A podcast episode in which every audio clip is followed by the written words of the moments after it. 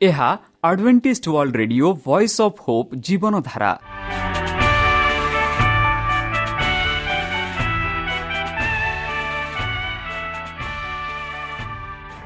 Odia radio କାର୍ଯ୍ୟକ୍ରମ ଯାହା ଆମର ଆନ୍ତର୍ଜାତୀୟ ଆଘାତ କେନ୍ଦ୍ରରୁ ପ୍ରସାରଣ କରାଯାଉଛି ପ୍ରତିଦିନ ରାତି ନଅଟା ତିରିଶ ମିନିଟ୍ରେ। ମୁଁ ସୁବ୍ରତ କୁମାର ପତି ପ୍ରେମର ସହ ଆପଣମାନଙ୍କୁ ଏହି କାର୍ଯ୍ୟକ୍ରମକୁ ସ୍ୱାଗତ କରୁଅଛି। ଚାଲନ୍ତୁ ଆଜିର ତିରିଶ ମିନିଟ୍ର କାର୍ଯ୍ୟକ୍ରମ ବିଷୟରେ ଜାଣିନେବା। ପ୍ରଥମେ ରଖିଛୁ ଆଧ୍ୟାତ୍ମିକ ଭକ୍ତିମୟ ଗୀତ। ଏହାପରେ ଶୁଣିବା ସ୍ୱାସ୍ଥ୍ୟ ବିଷୟରେ ଯାହା ଆମର ଦୈନିକ ଜୀବନରେ ଅତ୍ୟନ୍ତ ଜରୁରୀ। ଆଉ ପରିଶେଷରେ ଶୁଣିବା ପରମେଶ୍ୱରଙ୍କ ଭକ୍ତଙ୍କଠାରୁ ଜୀବନଦାୟକ ଈଶ୍ୱରଙ୍କ ବାକ୍ୟ। ପ୍ରିୟ ଶ୍ରୋତା ତାହେଲେ ଚାଲନ୍ତୁ ଶୁଣିବା ଏକ ଆଧ୍ୟାତ୍ମିକ ଭକ୍ତିମୟ ଗୀତ।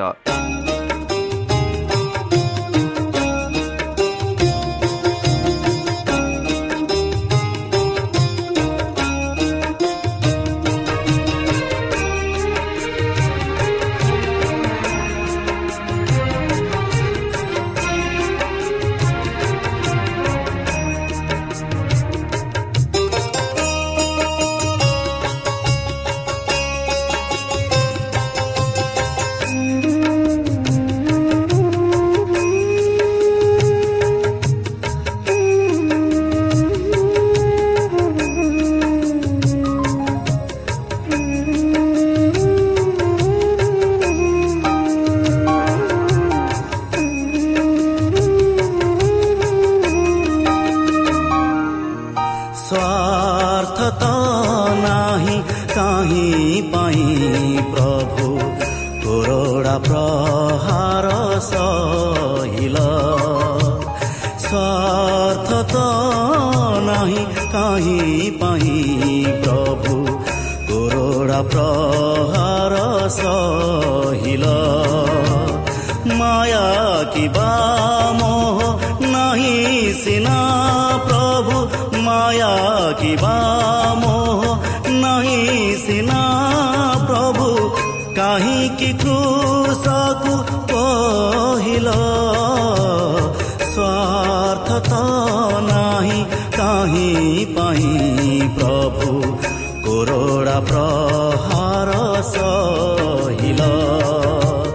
स्वार्थ नाही काहीँ पाई प्रभु करोडा प्रहार सहिल।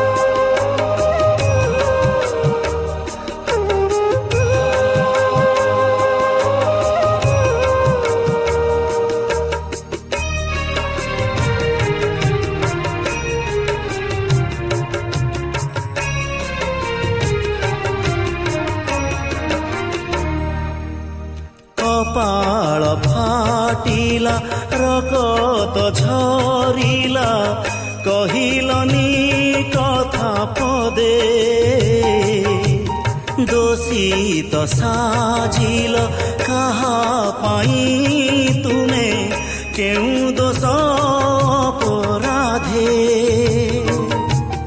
କପାଳ ଫାଟିଲା ରଗତ ଝରିଲା କହିଲନି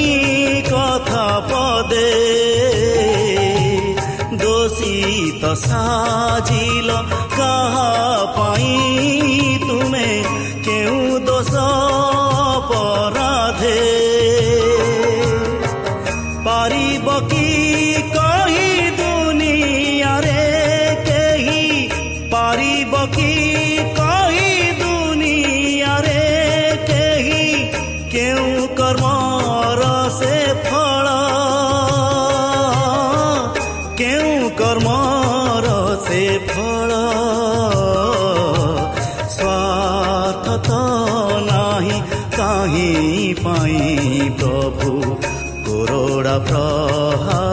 ಸಾ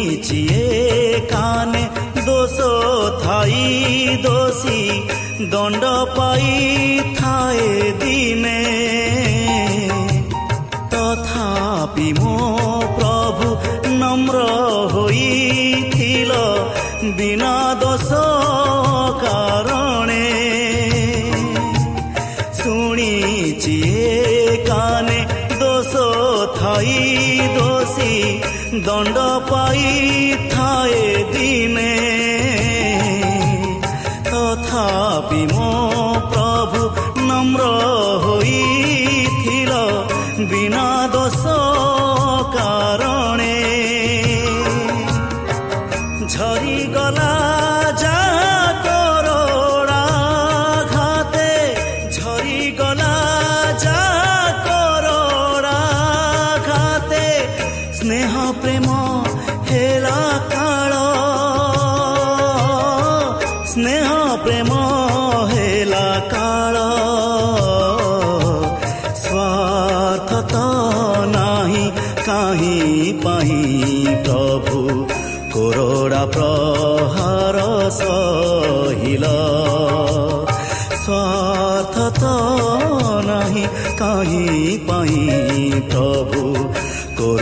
প্রহার সহিল। মায়া কিবা মোহ নাহি সিনা প্রভু। মায়া কিবা মোহ নাহি সিনা প্রভু। কাহিকি ক্রুশকু বহিল। স্বার্থত নাহি কাহি পাহি প্রভু। করোড়া প্র सा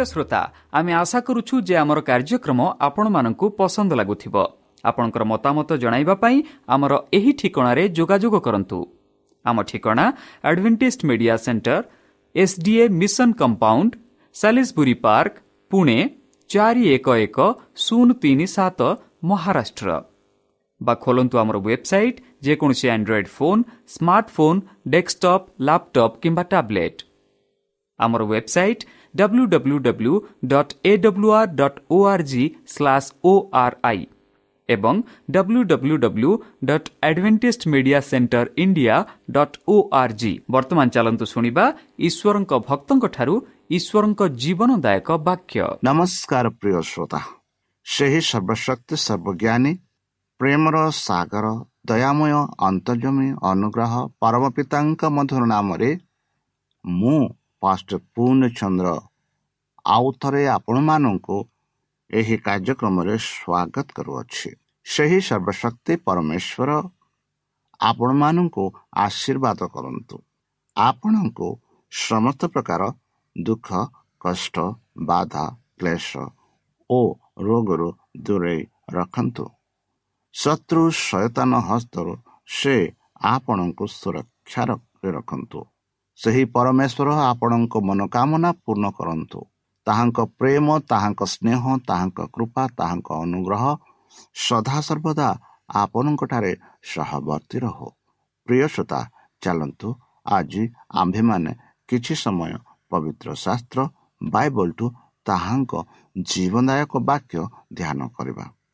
ଆଜିର ଆଲୋଚନା ହେଉଛି ଭାବବାଣୀ ସମ୍ବନ୍ଧୀୟ ବାଖ୍ୟାର ନିୟମ ସଫଳ ବନ୍ଧୁ ଭାବବାଣୀ ସମ୍ବନ୍ଧୀୟ। ଯାହା ଆମମାନଙ୍କୁ ଦିଆଯାଉଅଛି। ଭବିଷ୍ୟ ସମ୍ବନ୍ଧରେ ଆମମାନଙ୍କ ପ୍ରଶ୍ନର ପ୍ରତି ଭାବବାଣୀ ଈଶ୍ୱରଙ୍କ ଉତ୍ତର ଅଟେ।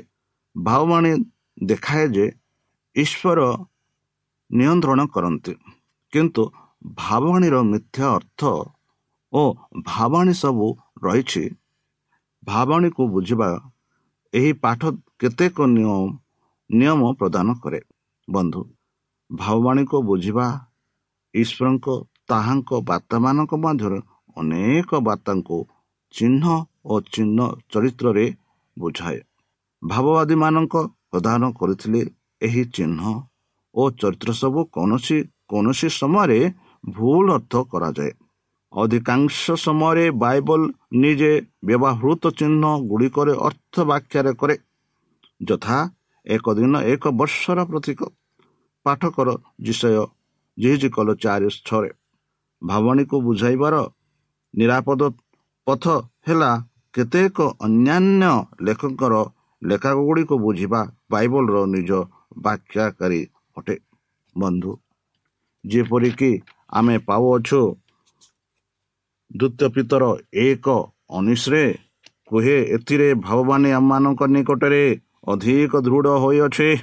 ତୁମାନେ ତାହା ଅନ୍ଧକାରମୟ ସ୍ଥାନରେ ପ୍ରଜ୍ୱଳିତ ହେଉଥିବା ପ୍ରଦୀପ ସଦୃଶ୍ୟ ମନେ କରି ରାତି ପ୍ରଦାନ୍ତ ନ ହେବା ପର୍ଯ୍ୟନ୍ତ ଓ ତୁମାନଙ୍କ ହୃଦୟରେ ପ୍ରଭାତିର ପ୍ରଭାତି ତାରା ଉଦିତ ହେବା ପର୍ଯ୍ୟନ୍ତ ତାହା ପ୍ରତି ମନୋଯୋଗ କଲେ ଭଲ ହେବ ବନ୍ଧୁ।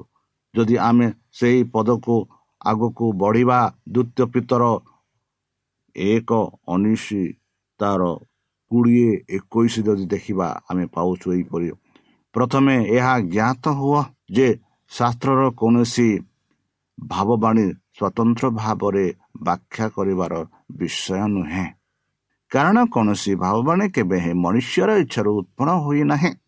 ମାତ୍ର ଈଶ୍ୱର ପ୍ରେରିତ ମନୁଷ୍ୟମାନଙ୍କ ପବିତ୍ର ଆତ୍ମାଙ୍କ ଦ୍ୱାରା ଚାଳିତ ହୋଇ କଥା କହିଥିଲେ। ବନ୍ଧୁ ଆଜି ଆମେ ବିଶେଷ ଭାବରେ ଭାବନୀ ଭାବବାଣୀ ସମ୍ବନ୍ଧୀୟ ବ୍ୟାଖ୍ୟା ନିୟମ ସକଳ ବିଷୟରେ ଆମେ ଆଲୋଚନା କରୁଛୁ। ଯାହା ଆମେ ଏଇ ଯେଉଁ ପ୍ରଥମ ପିତର ତାର ଅନିଶ କୋଡ଼ିଏ ଏକୋଇଶରେ ଆମେ ଦେଖୁଅଛୁ। ପ୍ରଥମ ପିତର ଏକ ଉଣେଇଶ କୋଡ଼ିଏ ଏକୋଇଶରେ ଦେଖୁଛୁ ଯାହା ଆମେ ଦେଖୁଅଛୁ ପ୍ରଥମ କୋଡ଼ିଏରେ ପ୍ରଥମରେ ଏହା ଜ୍ଞାତ ହୁଅ ଯେ ଶାସ୍ତ୍ରର କୌଣସି ଭାବବାଣୀ ସ୍ୱତନ୍ତ୍ର ଭାବରେ ବ୍ୟାଖ୍ୟା କରିବାର ବିଷୟ ନୁହେଁ। କାରଣ କୌଣସି ଭାବବାଣୀ କେବେ ହେଁ ମନୁଷ୍ୟର ଇଚ୍ଛାରୁ ଉତ୍ପନ୍ନ ହୁଏ ନାହିଁ। ମାତ୍ର ଈଶ୍ୱର ପ୍ରେରିତ ମନୁଷ୍ୟମାନେ ପବିତ୍ର ଆତ୍ମାଙ୍କ ଦ୍ୱାରା ଚାଲିତ ହୋଇ କଥା କହିଥିଲେ। ସେହିପରି ମାଥ୍ୟୁ ତାର ଚବିଶ ଏଗାର ଟୁ ଚବିଶରେ ଯଦି ଆମେ ଦେଖିବା ଆମେ ସୁନ୍ଦର ଭାବରେ ଆମେ ପାଉଛୁ କି କାହା ଦ୍ୱାରା ଭାବବାଦୀ ବା କାହା ଦ୍ୱାରା ଏହି ଭବିଷ୍ୟତବାଣୀ ଆସୁଅଛି। ଆଉ କାହାକୁ ପରମେଶ୍ୱର ନିର୍ମିତ କରିଅଛନ୍ତି। ଏଠି ଆମେ ପାଉଛୁ ଯୀଶୁ ଶିଷ୍ୟମାନଙ୍କୁ ସତର୍କବାଣୀ ଦେଇ କହନ୍ତି ଆଉ ଅନେକ ଭଣ୍ଡ ଭାବାଦୀ ଉଠି ଅନେକଙ୍କୁ ଭ୍ରାନ୍ତ କରିବେ ଅନେକ ଭଣ୍ଡ। ମାନେ କିଏ? ଯାହାକି ଆମେ ଅନ୍ୟ ଭାଷାରେ କହିବା ମିଥ୍ୟା ଭାବବାଦୀ ଉଠି ଅନେକଙ୍କୁ ଭ୍ରାନ୍ତ କରିବେ। ପୁଣି ଅଧର୍ମ ବୃଦ୍ଧି ପାଇବାକୁ ଅଧିକାଂଶ ଲୋକଙ୍କ ପ୍ରେମ ଶୀତଳ ହୋଇଯିବ। ଯେଉଁ ଜ୍ଞାନ ଯେଉଁ ପ୍ରେମ ଯେଉଁ ଆଲୋଚନା ଯେଉଁ ଧ୍ୟାନ ଥିଲା ପରମେଶ୍ୱରଙ୍କଠାରେ ସେହିସବୁ ଶୀତଳ ହୋଇଯିବ। କାହିଁକି ଏହି ଭଣ୍ଡ ଖ୍ରୀଷ୍ଟିଆନ ବା ଭଣ୍ଡ ଭାଓବାଦୀମାନେ ଏହିପରି କରିବେ? ମାତ୍ର ଯେ ଶେଷ ପର୍ଯ୍ୟନ୍ତ ଧୈର୍ଯ୍ୟ ଧରି ରହିବ ସେ ପରିତ୍ରାଣ ପାଇବ। କିଏ ପାଇବ ବନ୍ଧୁ? ଯେଉଁ ବ୍ୟକ୍ତି ସେହି ପବିତ୍ର ଆତ୍ମା ସେହି ପବିତ୍ର ବାକ୍ୟ ଅନୁସାରେ ଚାଲିବ ଧୈର୍ଯ୍ୟ ଧରି ରହିବ ସେ ହିଁ ପାଇବ ପରିତ୍ରାଣ ବୋଲି ଆମେ ପାଉଅଛୁ। ଆଉ ସମସ୍ତ ଜାତି ନିକଟରେ ସାକ୍ଷ୍ୟ ଦେବା ନିମନ୍ତେ ରାଜ୍ୟର ଏହି ସୁସମାଚାର ସମୁଦାୟ ପୃଥିବୀରେ ଘୋଷଣା କରାଯିବ। ତତ୍ପରେ ଯୋଗା ଶେଷ ହେବ। ମାନେ ଯୀଶୁଖ୍ରୀଷ୍ଟଙ୍କ ସୁସମାଚାର ସାରା ପୃଥିବୀରେ ପ୍ରଚାରିତ ହେଲା ପରେ ହିଁ ସମସ୍ତେ ଜାତି ସମସ୍ତେ ଗୋଷ୍ଠୀ ସମସ୍ତେ ଦେଶୀୟ ସମସ୍ତ ଭାଷୀୟ ଲୋକମାନେ ଈଶ୍ୱରଙ୍କ ବିଷୟରେ ଜାଣିବାକୁ ପଡ଼ିବ। ଈଶ୍ୱରଙ୍କ ବିଷୟରେ ଜାଣିଲା ପରେ ପରେ ହିଁ ଈଶ୍ୱରଙ୍କ ଆଗମନ ହେବ ବୋଲି ଆମେ ଦେଖୁଅଛୁ ଯୁଗ ଶେଷ ହେବ ବୋଲି ଆମେ ଦେଖୁଅଛୁ। ଏଣୁ ତୁମେମାନେ ଯେତେବେଳେ ଦାନିଏଲ ଭାବବାଦୀଙ୍କ ଦ୍ୱାରା ଉକ୍ତ ଉତ୍ତର୍ଣ୍ଣକାରୀ ଘୃଣ୍ୟ ବସ୍ତୁତ ପବିତ୍ର ସ୍ଥାନରେ ଅବସ୍ଥିତ ରଖି ଦେଖିବ ଯଦି ଆମେ ଦେଖିବା ବନ୍ଧୁ ଦାନିଏଲ ଯାହା ଆମେ ଗତ ସପ୍ତାହରେ ଦେଖିଲୁ। ଏଠି ତେଣୁ ଯୀଶୁ କହନ୍ତି ତେଣୁ ତୁମେମାନେ ଯେତେବେଳେ ଦାନିଏଲ ଭାବବାଦୀଙ୍କ ଦ୍ୱାରା ଉକ୍ତ ଉଚ୍ଛନାକାରୀ ଘୃଣ୍ୟ ବସ୍ତୁରୁ ପବିତ୍ର ସ୍ଥାନରେ ଅବସ୍ଥିତ ହେବେ। ସେତେବେଳେ ଯେଉଁମାନେ ଜୁହୁଦା ପ୍ରଦେଶରେ ଥାଆନ୍ତି ସେମାନେ ପର୍ବତମାଳାକୁ ପଲାଇ ଯାଆନ୍ତୁ। ଯେ ଛାତ ଉପରେ ଥାଏ ସେ ଆପଣା ଘର ଭିତରୁ ଜିନିଷ ପ୍ରତି ପତ୍ର ଘେନିବା ପାଇଁ ଓହ୍ଲାଇ ନ ଆସୁ। ପୁଣି ଯେ କ୍ଷେତ୍ରରେ ଥାଏ ସେ ଆପଣାର ଚାଦର ଘେନିଯିବା ପାଇଁ ଲେଉଟି ନ ଯାଉ ସେହି ସମୟରେ ଯେଉଁମାନେ ଗର୍ଭବତୀ ଓ ସନ୍ତୋଷୀ ଦାୟ ହାୟ ସେମାନେ କ୍ଲେଶର ପାତ୍ର। କିନ୍ତୁ ତୁମାନଙ୍କର ପଳାୟନ ଯେପରି ଶୀତଳ କାଳରେ କିମ୍ବା ବିଶ୍ରାମ ବାରେ ନ ଘଟେ ଘଟେ ଏଥିପାଇଁ ପ୍ରାର୍ଥନା କର। କାରଣ ସେତେବେଳେ ସେତେବେଳେ ଏପରି ମହାକ୍ଲେଶ ଘଟିବ। ଯେ ଜଗତର ଆରମ୍ଭରୁ ଆଜି ପର୍ଯ୍ୟନ୍ତ ଘଟି ନାହିଁ। ପୁଣି କେବେ ହେଁ ଘଟିବ ନାହିଁ। ଆଉ ସେହି ସମୟ ଯେବେ ଉଣା କରାଯାଇ ନଥାନ୍ତା ତେବେ କୌଣସି ମତ୍ୟ ପରିତ୍ରାଣ ପାଆନ୍ତା ନାହିଁ।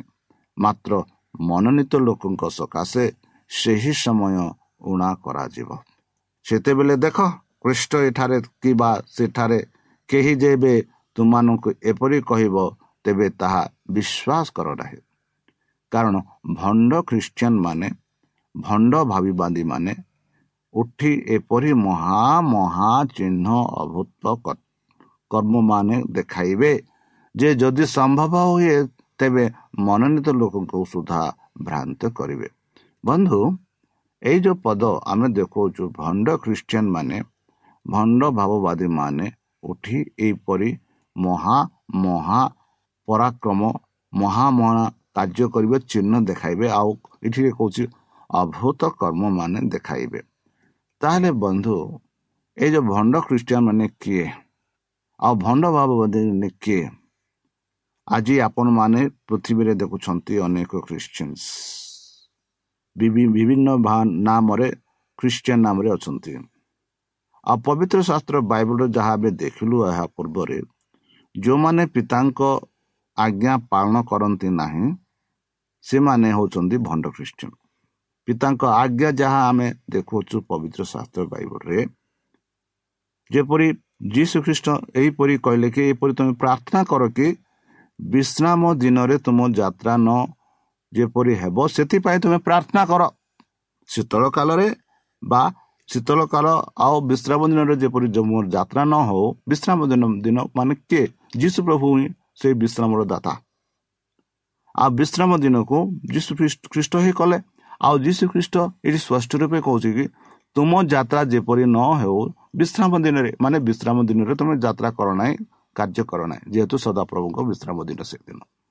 ଆଉ ସେ ଦିନରେ ତୁମେ ଯାତ୍ରା କର ନାହିଁ ବୋଲି ଏଠି ପବିତ୍ର ଶାସ୍ତ୍ର ବାଇବଲରେ କହୁଅଛି ତାମାନେ ଯେତେ ଲୋକ ବିଶ୍ରାମ ଦିନକୁ ପାଳୁନାହାନ୍ତି ତାହା ଯାହାକି ପରମେଶ୍ୱରଙ୍କର ଆଜ୍ଞା ସେ ଆଜ୍ଞାକୁ ସେମାନେ ମାନୁନାହାନ୍ତି ତାହେଲେ ସେମାନେ ହେଉଛନ୍ତି ଭଣ୍ଡ ଖ୍ରୀଷ୍ଟିଆନ ମାନେ ବା ଭଣ୍ଡ ଭାବବାଦୀ ମାନେ ବୋଲି ଆମେ ପବିତ୍ର ଶାସ୍ତ୍ର କହୁଛି। ମୁଁ କହୁନି ଏଇଟା ପବିତ୍ର ଶାସ୍ତ୍ର ବାଇବଲ କହୁଛି ଯେପରି ଏହା ପୂର୍ବେ ଆମେ ଦେଖିଅଛୁ। ସେହିପରି ଜୁଏଲ ଜୟଲ ଦୁଇ ଅଠାଇଶ ଟୁ ବତିଶ ଯଦି ଆମେ ପଢିବା ହେ କ୍ଷେତ୍ରସ୍ଥ ପଶୁଗଣ ତୁମେମାନେ ଭୟ କର ନାହିଁ କାରଣ ପ୍ରାନ୍ତରସ୍ଥ ଚରଣେ ସ୍ଥାନ ସବୁ ଅଙ୍କୁରିତ ହେଉଅଛି। ବୃକ୍ଷ ଫଳ ଧରୁଅଛି। ଡିମିରି ବୃକ୍ଷ ଓ ଦ୍ରାକ୍ଷାଳତା ଆପଣା ଶକ୍ତି ପ୍ରକାଶ କରୁଅଛି। ଏଥିପାଇଁ ହେ ସିଓନର ସନ୍ତାନଗଣ ତୁମ୍ଭେମାନେ ଉଲ୍ଲସିତ ହୁଅ ଓ ସଦାପ୍ରଭୁ ତୁମମାନଙ୍କ ପରମେଶ୍ୱରଙ୍କ ଠାରେ ଆନନ୍ଦ କରନ୍ତ। କାରଣ ସେ ତୁମମାନଙ୍କ ଯଥା ପରିମାଣରେ ଆଦ୍ୟ ବୃଷ୍ଟି ଦିଅନ୍ତି ଓ ସେ ତୁମମାନଙ୍କ ନିମନ୍ତରେ ବୃଷ୍ଟି ବସନ୍ତି ଆଦ୍ୟ ବୃଷ୍ଟି ଓ ଶେଷ ବୃଷ୍ଟି ପ୍ରଥମ ମାସରେ ବୃଷ୍ଟି ମାନେ କ'ଣ ବର୍ଷା? ସେ ବର୍ଷାନ୍ତି ତାଙ୍କ ଆଶିଷ। ପୁଣି ତୁମମାନଙ୍କର ଖୋଲା ସବୁ ଗହମରେ ପରିପୂର୍ଣ୍ଣ ହେବ ଓ କୁଣ୍ଡ ସବୁ ଦ୍ରାକ୍ଷରସ ଓ ତୈଳରେ ଉଚଳିତି ଉଚଳି ପଢ଼ିବ। ବଧୁ ଆଉ ଆମ୍ଭେ ତୁମମାନଙ୍କ ମଧ୍ୟରୁ ମଧ୍ୟକୁ ଆପଣାର ଯେଉଁ ମହାସୈନ୍ୟ ଦଳ ଅର୍ଥାତ୍ ଫଳ ପତଙ୍ଗ ଗୁଗୁର୍ଦିଆ ଗୁର୍ଗିଆ ଓ ସୁକୀଟ ପଠାଇଲୁ। ସେମାନେ ଯେଉଁ ବର୍ଷର ଶସ୍ୟାଦି ଖାଇଅଛନ୍ତି ତାହା ଆମ୍ଭେ ତୁମମାନଙ୍କୁ ଫେରାଇ ଦେବା। ତହିଁରେ ତୁମମାନେ ପ୍ରଚୁର ରୂପେ ଭୋଜନ କରି ପରିତୃପ୍ତ ହେବ ଓ ଯେ ତୁମମାନଙ୍କ ପ୍ରତି ଆଚର୍ଯ୍ୟ ବ୍ୟବହାର କରିଅଛନ୍ତି ତୁମାନେ ସେହି ସଦାପ୍ରଭୁ ତୁମମାନଙ୍କ ପରମେଶ୍ୱରଙ୍କ ନାମରେ ପ୍ରଶଂସା କରିବ। ଓ ଆମର ଲୋକମାନେ କଦାପି ଲଜ୍ଜିତ ନହିବେ। ତହିଁରେ ଆମେ ଯେ ଇସ୍ରାଏଲ ମଧ୍ୟବର୍ତ୍ତୀ ଅଛୁ ଓ ଆମେ ଯେ ସଦାପ୍ରଭୁ ତୁମମାନଙ୍କ ପରମେଶ୍ୱର ଅଠୁ ଓ ଅନ୍ୟ କେହି ନାହିଁ ଏହା ତୁମମାନେ ଜାଣିବ। ବନ୍ଧୁ ସେହି ସଦାପ୍ରଭୁ ପରମେଶ୍ୱର ହିଁ ଏକ ଅଛନ୍ତି। ଆଉ କେହି ନାହାନ୍ତି। ପୁଣି ଆମର ଲୋକମାନେ କଦାପି ଲଜ୍ଜିତ ନହିବେ। ବନ୍ଧୁ ପୁଣି ତହିଁ ଉତ୍ତାରେ ଆମ୍ଭେ ସଦା ସମୁଦାୟ ପ୍ରାଣୀ ଉପରେ ଆପଣ ଆତ୍ମା ଢାଲିବା ଏହିପରି ପରମେଶ୍ୱର କହନ୍ତି। ତହିଁରେ ତୁମମାନଙ୍କର ପୁତ୍ରଗଣ କନ୍ୟାଗଣ ଭବିଷ୍ୟତ ବାକ୍ୟ ପ୍ରଚାର କରିବେ। ତୁମମାନଙ୍କ ବୃଦ୍ଧ ଲୋକମାନେ ସ୍ୱପ୍ନ ଦେଖିବେ। ତୁମମାନଙ୍କର ଯୁବା ଲୋକମାନେ ଦର୍ଶନ ପାଇବେ। ଆଉ ସେ ସମୟରେ ମଧ୍ୟ ଆମ୍ଭେ ଦାସ ଦାସ ଗଣର ଉପରେ ଆପଣର ଆତ୍ମା ଢାଳିବା ପୁଣି ଆମ୍ଭେ ଆକାଶରେ ଓ ପୃଥିବୀରେ ରକ୍ତ ଅଗ୍ନି ଓ ଧୂମ ସ୍ତମ୍ଭର ଅଭୂତ ଲକ୍ଷଣ ଦେଖାଇବା। ସଦାପ୍ରଭୁଙ୍କର ମହତ୍ଵ ଭୟଙ୍କର ଦିନର ଆଗମନର ପୂର୍ବେ ସୂର୍ଯ୍ୟ ଅନ୍ଧକାର ଓ ଚନ୍ଦ୍ର ରକ୍ତ ହୋଇଯିବ। ପୁଣି ଯେ କେହି ସଦାପ୍ରଭୁଙ୍କ ନାମରେ ପ୍ରାର୍ଥନା କରିବ ସେ ଉଦ୍ଧାର ପାଇବ। କାରଣ ସଦାପ୍ରଭୁଙ୍କ ବାକ୍ୟ ପ୍ରମାଣେ ସିୟନ ପର୍ବତରେ ଓ ଜେରୁସାଲମରେ ରକ୍ଷାପ୍ରାପ୍ତ ଲୋକମାନେ ରହିବେ। ପୁଣି ଯେଉଁମାନଙ୍କୁ ସଦାପ୍ରଭୁଙ୍କ ଆହ୍ୱାନ କରିବେ ସେମାନେ ଅବଶିଷ୍ଟର ମଧ୍ୟରେ ରହିବେ। ବନ୍ଧୁ ଜିସାୟ ଭବିଷ୍ୟତ ଭକ୍ତା କହନ୍ତି ଜିସାୟ ଏକଷଠି ଏକ ଠୁ ତିନିରେ ସେ କହନ୍ତି ପ୍ରଭୁ ସଦା ପ୍ରଭୁଙ୍କର ଆତ୍ମା ଠାରେ ଅଧିଷ୍ଠାନ କରିଅଛନ୍ତି। କାରଣ ନମ୍ର ଲୋକମାନଙ୍କ ନିକଟରେ ସୁସମାଚାର ପ୍ରଚାର କରିବା ପାଇଁ ସଦାପ୍ରଭୁ ମୋତେ ଅବିଶିଷ୍ଟ ଅଭିଷିକ୍ତ କରିଅଛନ୍ତି। ସେ ଭଗ୍ନାନ୍ତକରଣ ଲୋକମାନଙ୍କ କ୍ଷତ ବାନ୍ଧିବାକୁ ବନ୍ଦୀ ଲୋକମାନଙ୍କ ପ୍ରତି ମୁକ୍ତି ଓ କାରାବଧ ଲୋକମାନଙ୍କ ପ୍ରତି କାରାଗାର ମୁକ୍ତ ଦେବାର କଥା ପ୍ରଚାର କରିବାକୁ। ସଦାପ୍ରଭୁଙ୍କ ଗ୍ରାହ୍ୟ ବର୍ଷ ମାନଙ୍କ ପରମେଶ୍ୱରଙ୍କ ପ୍ରତି ଶୋଧର ଦିନ ଘୋଷଣା କରିବାକୁ ଶୋକାର୍ଥ ସମସ୍ତ ସନ୍ତନ କରିବାକୁ ସିଅନର ଶୋକାର୍ଥ ଲୋକମାନଙ୍କ ପାଇଁ ନିରୂପଣ କରିବାକୁ ଅର୍ଥାତ୍ ଭାସ୍କର ପରିବର୍ତ୍ତେ ଭୂଷଣ ଭୂଷଣ ଦୁଃଖର ପରିବର୍ତ୍ତେ ସୁଖ ରୂପ ତୈଳ ଅବଷ୍ଟନ ଆତ୍ମାର ପରିବର୍ତ୍ତେ ପ୍ରଶଂସା ରୂପ ବସ୍ତ୍ର ପ୍ରଦାନ କରିବାକୁ ସେ ମୋତେ ପ୍ରେରଣ କରିଅଛନ୍ତି ତହିଁରେ। ସଦାପ୍ରଭୁ ଯେପରି ଗୌରବ ଅନିତ୍ୟ ହେବ ଏଥିପାଇଁ ସେମାନେ ଧର୍ମରୂପ ବୃକ୍ଷ ଓ ତାହାଙ୍କ ଉଦ୍ୟାନ ବୋଲି ବିଖ୍ୟାତ ହେବେ। ବନ୍ଧୁ କେଡ଼େ ସୁନ୍ଦର ଭାବରେ ଜିସାୟ ଭବିଷ୍ୟତ ବକ୍ତା ଯୀଶୁଖ୍ରୀଷ୍ଟଙ୍କ ବିଷୟରେ ବର୍ଣ୍ଣନା କରି କହୁଅଛନ୍ତି ଏହା ଆମେ ସେଇ ଭାବବାଦୀଙ୍କ ଦ୍ୱାରା ଆମେ ପାଉଅଛୁ। ଯେପରି ସାଧୁପାଲ କହନ୍ତି ପ୍ରେରିତ ଲୋକ କହନ୍ତି ଯେ କି ପ୍ରେରିତ ଲେଖିଥିଲେ ସେ କହନ୍ତି ପ୍ରେରିତ ଦୁଇ ଷୋହଳରୁ ଏକୋଇଶ ପର୍ଯ୍ୟନ୍ତ ସେ କହନ୍ତି କିନ୍ତୁ ଜୋଏଲ ଭାବବାଦୀଙ୍କ ଦ୍ୱାରା ଯାହା ଉକ୍ତ ଅଛି ଏ ସେହି ଘଟଣା। ଈଶ୍ୱର କହନ୍ତି ଶେଷ କାଳରେ ଏପରି ଘଟିବ ଯେ ଆମେ ସମସ୍ତ ବର୍ତ୍ତ ଉପରେ ଆପଣ ଆତ୍ମା ବୃଷ୍ଟି କରାଇବେ ଯେପରି ଆମେ ପଢ଼ିସାରିଛୁ। ସେଥିରେ ତୁମମାନଙ୍କ ପୁତ୍ରକନ୍ୟା ମାନେ ଭାବବାଣୀ କହିବେ ଆଉ ତୁମମାନଙ୍କ ଯୁବାମାନେ ଦର୍ଶନ ପାଇବେ ତୁମମାନଙ୍କର ପ୍ରାଚୀନ ମାନେ ସ୍ୱପ୍ନ ଦେଖିବେ। ହଁ ସେହି କାଳରେ ଆମ୍ଭେ ନିଜ ଦାସ ଦାସୀମାନଙ୍କ ଉପରେ ଆପଣ ଆତ୍ମାବୃଷ୍ଟି କରାଇବା। ସେଥିରେ ସେମାନେ ଭାବବାଣୀ କହିବେ ଆମ୍ଭେ ଉଦ୍ଧସ୍ତ ଆକାଶରେ ନା ନା ଅଭୂତ କର୍ମ ପୁଣି ଅଧସ୍ତ ପୃଥିବୀରେ ନା ନା ଲକ୍ଷଣ ରକ୍ତ ଅଗ୍ନି ଓ ନିବୁଡ଼ ଧୂମ ଦେଖାଇବା। ପ୍ରଭୁଙ୍କର ମହତ୍ଵ ପ୍ରତିଷ୍ଠ ଦିନରେ ଆଗମନ ପୂର୍ବରେ ସୂର୍ଯ୍ୟ ଅନ୍ଧକାରମୟ ଓ ଚନ୍ଦ୍ର ରକ୍ତମୟ ହେଉଥିବ ଆଉ ଏପରି ଘଟିବ ଯେ କେହି ପ୍ରଭୁଙ୍କ ନାମରେ ପ୍ରାର୍ଥନା କରିବ ସେ ପରିତ୍ରାଣ ପାଇବ। ବନ୍ଧୁ ସେହି ଯୀଶୁଖ୍ରୀଷ୍ଟ ଏହି ପୃଥିବୀକୁ ଆସିଲେ। ସେହି ଯୀଶୁଖ୍ରୀଷ୍ଟ ଆମମାନଙ୍କ ପାଇଁ ବାସ କଲେ। ଯାହା ଭାଓବାଦୀ ସମ୍ବନ୍ଧୀୟ ଏଇ ଯେଉଁ ଭାଓବାଦୀ ପବିତ୍ର ଶାସ୍ତ୍ର ଆମମାନଙ୍କୁ କହୁଅଛି କି ଯୀଶୁଖ୍ରୀଷ୍ଟ ଏହି ପୃଥିବୀକୁ ଆସିଲେ ଆମମାନଙ୍କଠାରେ ବାସ କଲେ ଆଉ ପରିଶେଷ ଜୀବନ ଦାନ ଦେଲେ ବନ୍ଧୁ ତାହେଲେ ଚାଲନ୍ତୁ ନିଜକୁ ସେହି ଯୀଶୁଖ୍ରୀଷ୍ଟଙ୍କ ନାମରେ ସମର୍ପଣ କରି ତାହାଙ୍କ ମଧୁର ନାମରେ ଆମେ ପ୍ରାର୍ଥନା ଉତ୍ସର୍ଗ କରିବା ହେ ଆମମାନଙ୍କ ସର୍ବଶକ୍ତି ସର୍ବଜ୍ଞାନୀ ପ୍ରେମର ସାଗର ଦୟାମୟ ଅନ୍ତର୍ଜମୀ ଅନୁଗ୍ରହ ପରମ ପିତା ଧନ୍ୟବାଦ ଅର୍ପଣ କରୁଅଛୁ ପ୍ରଭୁ ବର୍ତ୍ତମାନ ଯେଉଁ ବାକ୍ୟ ତୁମ ଭକ୍ତମାନଙ୍କୁ ଶୁଣାଇଲେ ସେହି ବାକ୍ୟ ଅନୁସାରେ ଆମମାନଙ୍କୁ ଚାଲିବା ପାଇଁ ବୁଦ୍ଧିରେ ଜ୍ଞାନରେ ଶକ୍ତିରେ ପରିପୂର୍ଣ୍ଣ କର ଆମ ପାପ ସବୁ ତୁମ ସେହି ବହୁମୂଲ୍ୟ ରକ୍ତରେ ପରିଷ୍କାର ରୂପେ ଧୋଇଦିଅ ଆଉ ପରିଶେଷ ଯେବେ ତୁମେ ତୁମ ସେହି ସହସ୍ରଦୂତଙ୍କ ସହ ଆସିବେ ସେତେବେଳେ ଆମମାନଙ୍କୁ ଏକ ବାସସ୍ଥାନ ଦେବ ବୋଲି ତ୍ରାଣକର୍ତ୍ତା ପ୍ରଭୁ ଯୀଶୁଙ୍କ ବଦ୍ରମୟ ନାମରେ ଏ ଛୋଟ ବିକ୍ରମ ଅଛୁ ତୁମେ କ'ଣ କର ଆମେ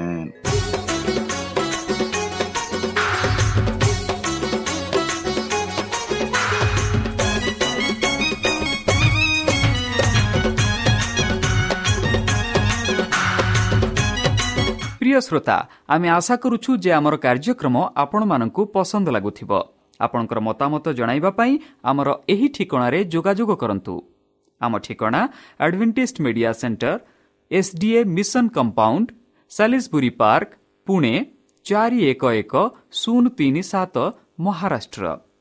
ବା ଖୋଲନ୍ତୁ ଆମର ୱେବସାଇଟ୍ ଯେକୌଣସି android phone smartphone desktop laptop କିମ୍ବା ଟ୍ୟାବ୍ଲେଟ୍ ଆମର website W W W dot A W R dot O R G slash O R I ଏବଂ W W W dot Adventist media centre India dot O R G Adventist media centre ଇଣ୍ଡିଆର spelling ହେଉଛି A D V E N T I S T M E D I A C E N T R E I N D I A ଅଥବା download କରନ୍ତୁ ଆମର mobile app ଆପଣଙ୍କର mobile play ଷ୍ଟୋରକୁ ଯାଆନ୍ତୁ ଆଉ type କରନ୍ତୁ the voice of hope ଆଉ download କରନ୍ତୁ। ଈଶ୍ୱର ଆପଣଙ୍କୁ ଆଶୀର୍ବାଦ କରନ୍ତୁ। ଧନ୍ୟବାଦ।